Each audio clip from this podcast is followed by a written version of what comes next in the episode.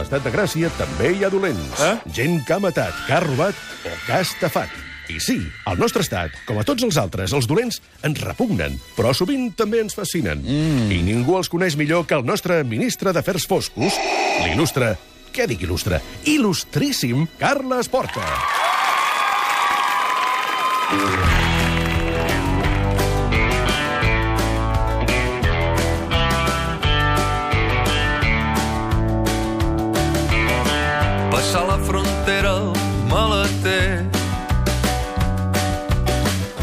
Mercedes verd i atrotinat. La primera nit en un caixer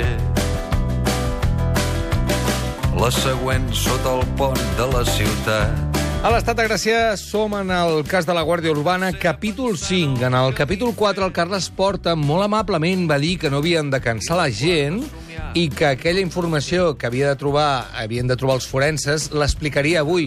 Moltes no, no, gràcies. No, perdó, perdó, perdó. No, Ah, no ah. vaig dir avui. Oh! No! Fuera! Fuera! Home, és que... Pues tota la setmana la gent a casa nerviosa pensant ah, aquesta setmana sí que ens donarà la dada de l'estudi forense No, perquè, perquè no es pot treure tan ràpid. Estem, nena, estem anant al ritme que va la investigació. Mira, Estàs fent un despacito? CSI, CSI ha fet molt mal. Ha fet molt mal, i nit i dia també. Què passa? La investigació policial sempre és molt delicada, i la periodística no ho és tant. I la de la tele de ficció ja tenen les proves en, en menys de 15 segons. Això no és així. Si veiéssiu el somriure que porta al damunt... Va, comencem. Capítol 5, cas de la Guàrdia Urbana.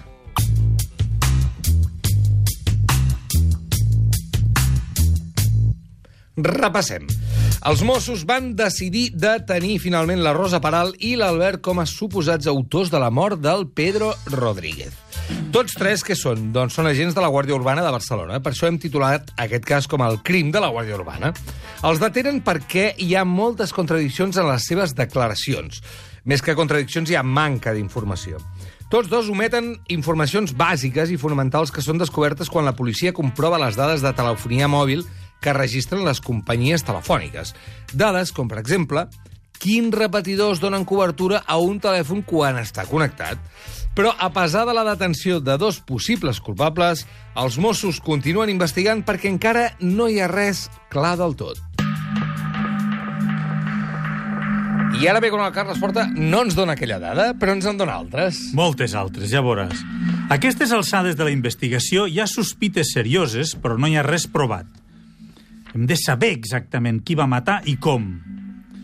El seu informe per justificar la detenció, els investigadors escriuen això. Llegeixo textualment.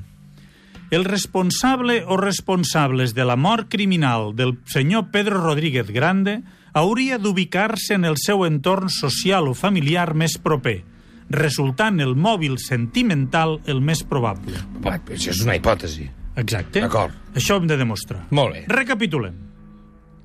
Recordem que el dijous 4 de maig de 2017 uns veïns van trobar un cotxe cremat al costat del pantà de Foix prop de Vilanova i la Geltrú i que al malalter del cotxe hi havia un cadàver calcinat. El cotxe era propietat d'un urbà de Barcelona, el Pedro, i al cadàver del maleter li troben uns claus i una pròtesi a la columna iguals que els que portava el Pedro. Uh -huh. La seva companya sentiment- sentimental, la Rosa Peral, també és agent de la Guàrdia Urbana. No ha denunciat la desaparició i, quan li diuen que ha aparegut el cotxe amb un cos cremat, reacciona amb un pragmatisme que desconcerta els Mossos. Comencen els interrogatoris i la primera sospita s'encarava cap a l'exmarit de la Rosa, un mosso d'esquadra. De moment no el descartem. També apareix de seguida un altre urbano, l'Albert Pérez, que havia sigut nòvio de la Rosa. A les declaracions de la Rosa i l'Albert hi ha hagut contradiccions, però el que ha cridat més l'atenció als investigadors són les coses que tots dos han amagat i les diferències que hi ha entre el que ells declaren i allò que mostren les dades de telefonia mòbil.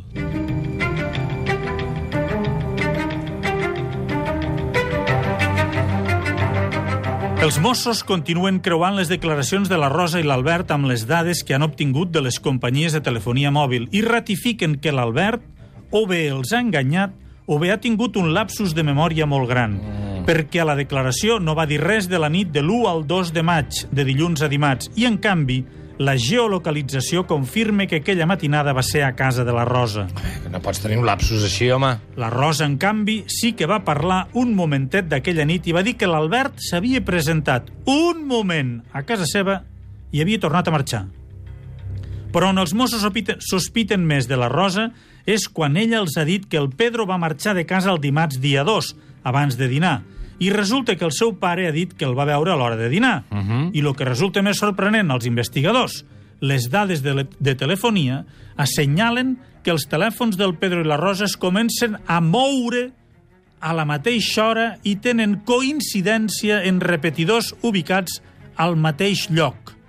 I això, segons els Mossos, només pot voler dir dues coses.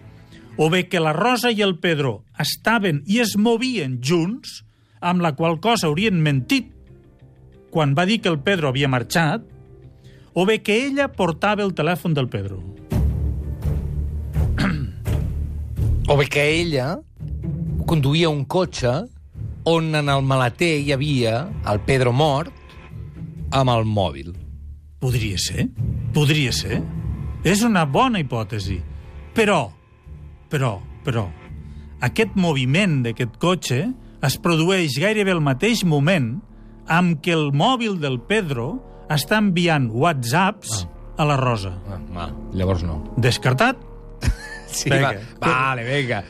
Quan com vam començar aquest cas us vaig dir dues coses. Una, que els que vulguin fer de jurat popular no escoltin el programa perquè encara s'ha de jutjar. I l'altra va ser que jo no faré interpretacions ni judicis. Uh -huh. No puc dir el mateix del president, vostè faci el que vulgui. Tot el que us estic explicant forma part del sumari i són les interpretacions que fan els investigadors. D'acord, queda claríssim. Continuem. Vinga. Estàvem el dimarts dia 2 de maig. Uh -huh. Encara no hem aclarit quan, ni com, ni qui va matar el Pedro. I estem reconstruint les seves últimes hores, o almenys les últimes hores en les que hi ha vida al seu telèfon mòbil. Escolta, estic pensant una cosa, ara et tallo. Ara, ara per... em fotràs, va. perquè m'has dit, sí, però va enviar un WhatsApp. Dic, i, i no té per què haver-lo enviat ell, el WhatsApp. També és cert. Val, seguim. Ja hi arribarem. Per... És que m'has picat, m'has picat, i ara he seguit investigant Aquell... pel meu compte. Aquell dimarts, 2 de maig, poc després de les 7 de la tarda, els telèfons del Pedro i la Rosa es tornen a situar a la casa que compartien al carrer dels Llorers de Vilanova la Geltrú. Uh -huh. La Rosa, en una segona declaració, va canviar la versió sobre els horaris. La primera vegada havia dit que el Pedro Sí. havia marxat al migdia, Sí, senyor, i que no havia tornat. cap a l'hora de dinar. I la segona vegada va dir que quan havia marxat era al vespre. Quan diu la veritat? M'ho estàs preguntant a mi? Recordeu que us vaig dir que els missatges de WhatsApp serien importants per resoldre aquest cas. Sí, si quan tu em preguntes quan diu la veritat la Rosa, jo diré que mai diu la veritat. Algun dia la deu dir, pobra. Sí, és veritat. Per pura coincidència i estadística. Molt bé, parlàvem dels whatsapps. Doncs els Mossos van fer un seguiment de tots els missatges enviats i rebuts pels telèfons intervinguts. I Perdona, van descobrir... ara me n'acabo d'adonar que estic aquí fent un judici de valor amb un cas que no ha estat jutjat encara. Bé, però... I no, no sé si podria jo parlar amb aquesta alegria. Lo que, no eh? Podries, potser- lo que no podries fer de cap manera és formar part del jurat popular que jutjarà Clarament. la Rosa i l'Albert. Clarament, ara m'ho estic prenent com una ficció, però aquest cas encara no està jutjat. Aquest cas no està I jutjat. quan es jutjarà, això? Pues no ho sé, quan senyalin, però crec que encara s'està investigant. Encara, encara tenen coses per investigar. Imagina't si n'és de complicat. Per això no m'agrada massa fer casos que encara estan oberts, perquè és molt difícil investigar. Est- Estem parlant de aquesta gent... els És a dir, perdona, sí. 20 anys de presó. Clar, i ara sense ànim de frivolitzar, eh, però es podria donar el cas que nosaltres, fent això, descobríssim qui va passar. Mm, el que fem és posar-ho en ordre. Descobrir, descobrir, si ho ha descobert algú, han descobert els Mossos. Eh, La investigació la fan els Mossos. Nosaltres el que fem és explicar què hi ha al sumari. On tu expliques i jo vaig pensant.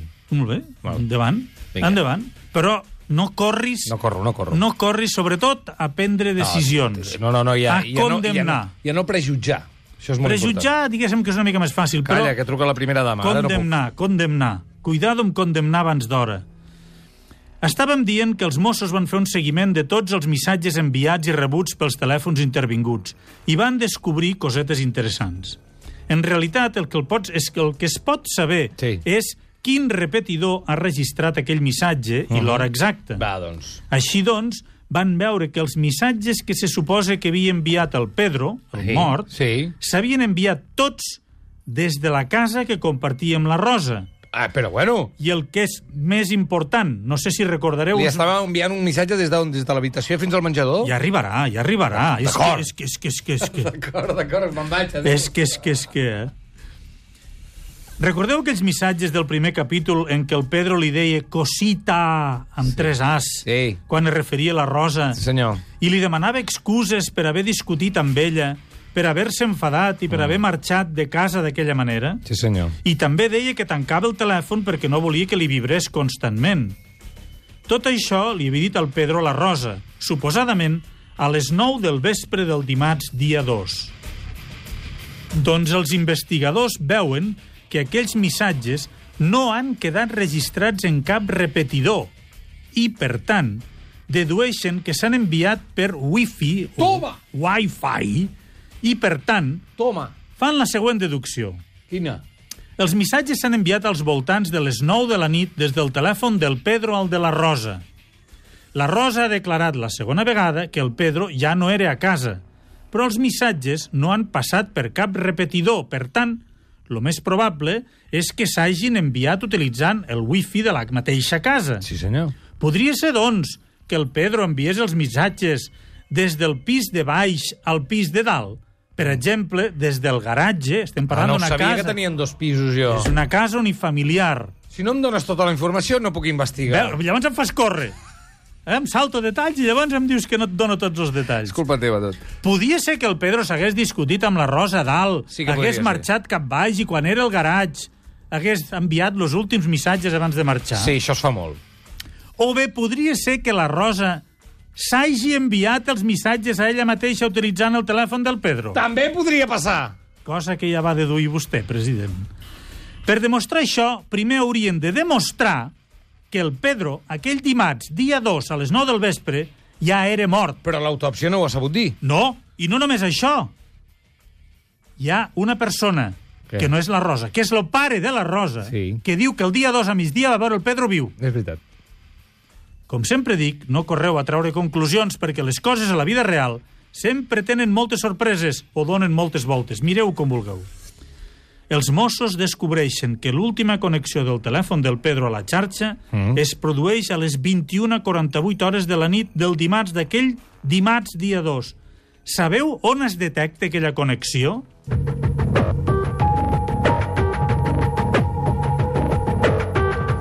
Dimarts, dia 2, a les 21.48, que probablement és la nit que l'haurien matat, eh? Bueno, bueno, per lo que sabem. Podria ser. Podria ser. Perquè si era viu, teòricament l'haurien I el d'haver dia matat. 3 ja hauríem vist el cotxe, un veí... Ah, això mateix. D'acord. Això mateix. Des d'on es fa aquesta connexió última del Pedro? en un repetidor de la Bisbal del Penedès. Un repetidor que dona cobertura a la casa de... del Rubén, de l'exmarit de la Rosa. Això voldria dir que el Pedro podria haver anat a visitar el Rubén.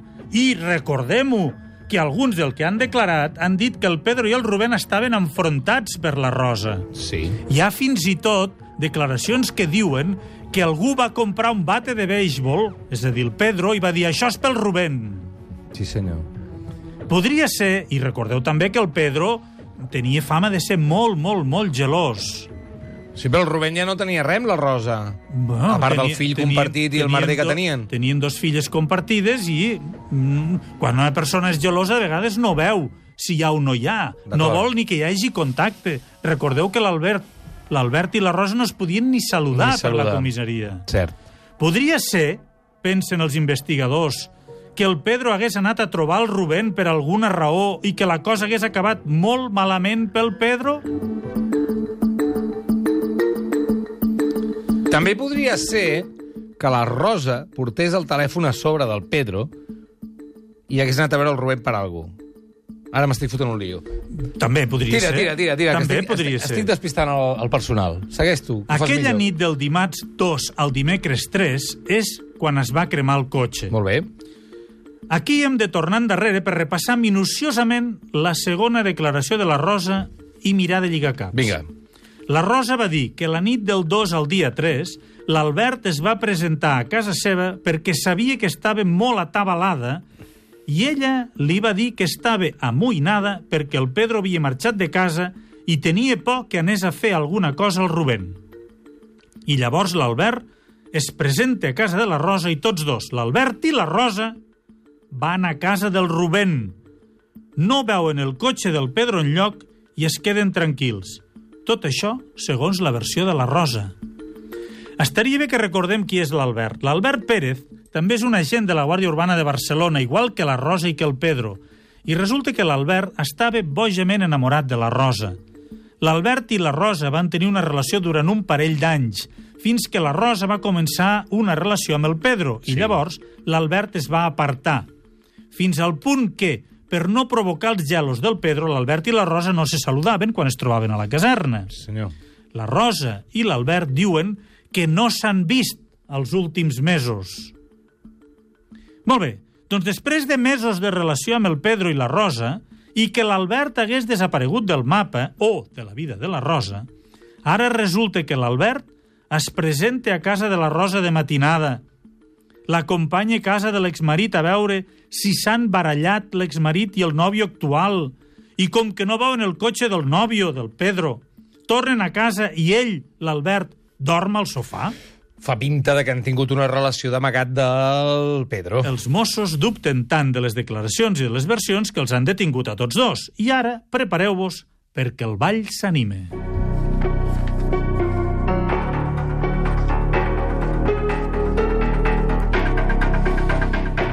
Abans de continuar, però, els Mossos demanen a la jutge de Vilanova i la Geltrú que autoritzi, atenció a la parauleta, Mm. una diligència d'entrada i perquisició a dos domicilis. Què vol dir això? Un registro? Havies sentit mai la paraula No. perquisició? No, jo sé allò de l'ordre de registro. Vol dir escorcoll. Ah, l'ordre d'escorcoll. Això mateix. Molt bé. Doncs res, continuem. Els Mossos volen escorcollar Els la, pisos d'aquí? De la Rosa? de la casa de la Rosa Sí. i el pis de l'Albert, que Val. és a Badalona. D'acord. Busquen proves del crim. Perquè creuen que estan connectats. Exacte. O implicats, com a mínim. Mhm. Sí, sí, sí. sí. Però també demanen permís per entrar a la casa del Rubén. Ahà. La investigació la porta el sotsinspector Vives, un home jove però gat vell en investigacions criminals a l'àrea metropolitana sud de Barcelona. I amb tot això ens hem situat al dia 13 de maig, nou dies després que trobessin el cotxe i el cadàver. Però no havies de que- dir que s'animava el ball. Us havia dit que s'animava? Doncs aquell 13 de maig, a dos quarts de dues del migdia, la Rosa Peral, quan encara no ha sigut detinguda, demana declarar voluntàriament i fa una nova declaració. Adiós, ja està canviant un altre cop la La declaració. tercera en nou dies. I ara diu que, si bé primer va pensar en el seu exmarit, el Rubén, com a responsable de la mort del Pedro, els últims dies li ha estat donant voltes a un altre possible culpable i creu que qui ho ha fet és l'Albert. Mare de Déu. I fa un relat dels dies 1, 2, 3 i 4 de maig intentant focalitzar l'atenció dels policies en què va fer l'Albert. La Rosa afirma que l'Albert es va presentar a casa sense avisar i insinua que gairebé va ser com assetjant-la, que ella li va demanar que marxés i no li busqués problemes, però l'Albert insistia i li va preguntar si el Pedro la maltractava. Uh -huh. La Rosa diu als Mossos que si va ser l'Albert, potser va matar el Pedro fora de la casa i que ella no va veure res. És clar, només dedueix que dues hores després de marxar el Pedro, l'Albert va arribar a casa seva, a Vilanova de la Geltrú, i que bla, bla, bla, bla, la Rosa està dues hores declarant, des de dos quarts de dues fins a dos quarts de quatre, quan els Mossos li diuen que està explicant tantes incongruències que la detenen per homicidi.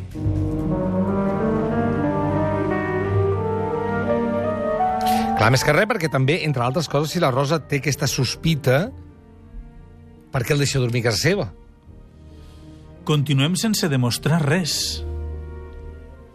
Qui, com, quan i on es va matar el Pedro? Que la Rosa pot tenir alguna cosa a veure, podria ser. Però que una persona canviï tres vegades la declaració no la fa culpable d'un homicidi. Caldrà treballar molt per resoldre bé aquest cas i no deixar-se enredar per les declaracions. La Rosa, com tu deies, podia haver deixat dormir l'Albert a casa perquè no sabia que el Pedro fos mort. També és veritat. Ens hem de situar a cada moment. La Rosa sap que el Pedro ha marxat, però no que el Pedro sigui mort. I l'Albert? Què dirà l'Albert quan sàpigui que la Rosa està insinuant que ho ha fet ell? Aconseguiran els investigadors proves concretes que responguin les preguntes clau? Quan van matar el Pedro? Com el van matar? On el van matar? I, sobretot, qui és l'autor del crim? Aviat ho sabrem, però avui ho hem de deixar aquí. No correu a treure conclusions, ja ho sabeu, necessitem proves concretes. La setmana que ve en tornem a parlar. I si m'ho permets, avui me sembla que és l'últim programa que fem abans de Nadal i voldria desitjar bones festes a la gent que mos escolta. Igualment. Igualment. A Catalunya Ràdio, Estat de Gràcia, amb Roger de Gràcia.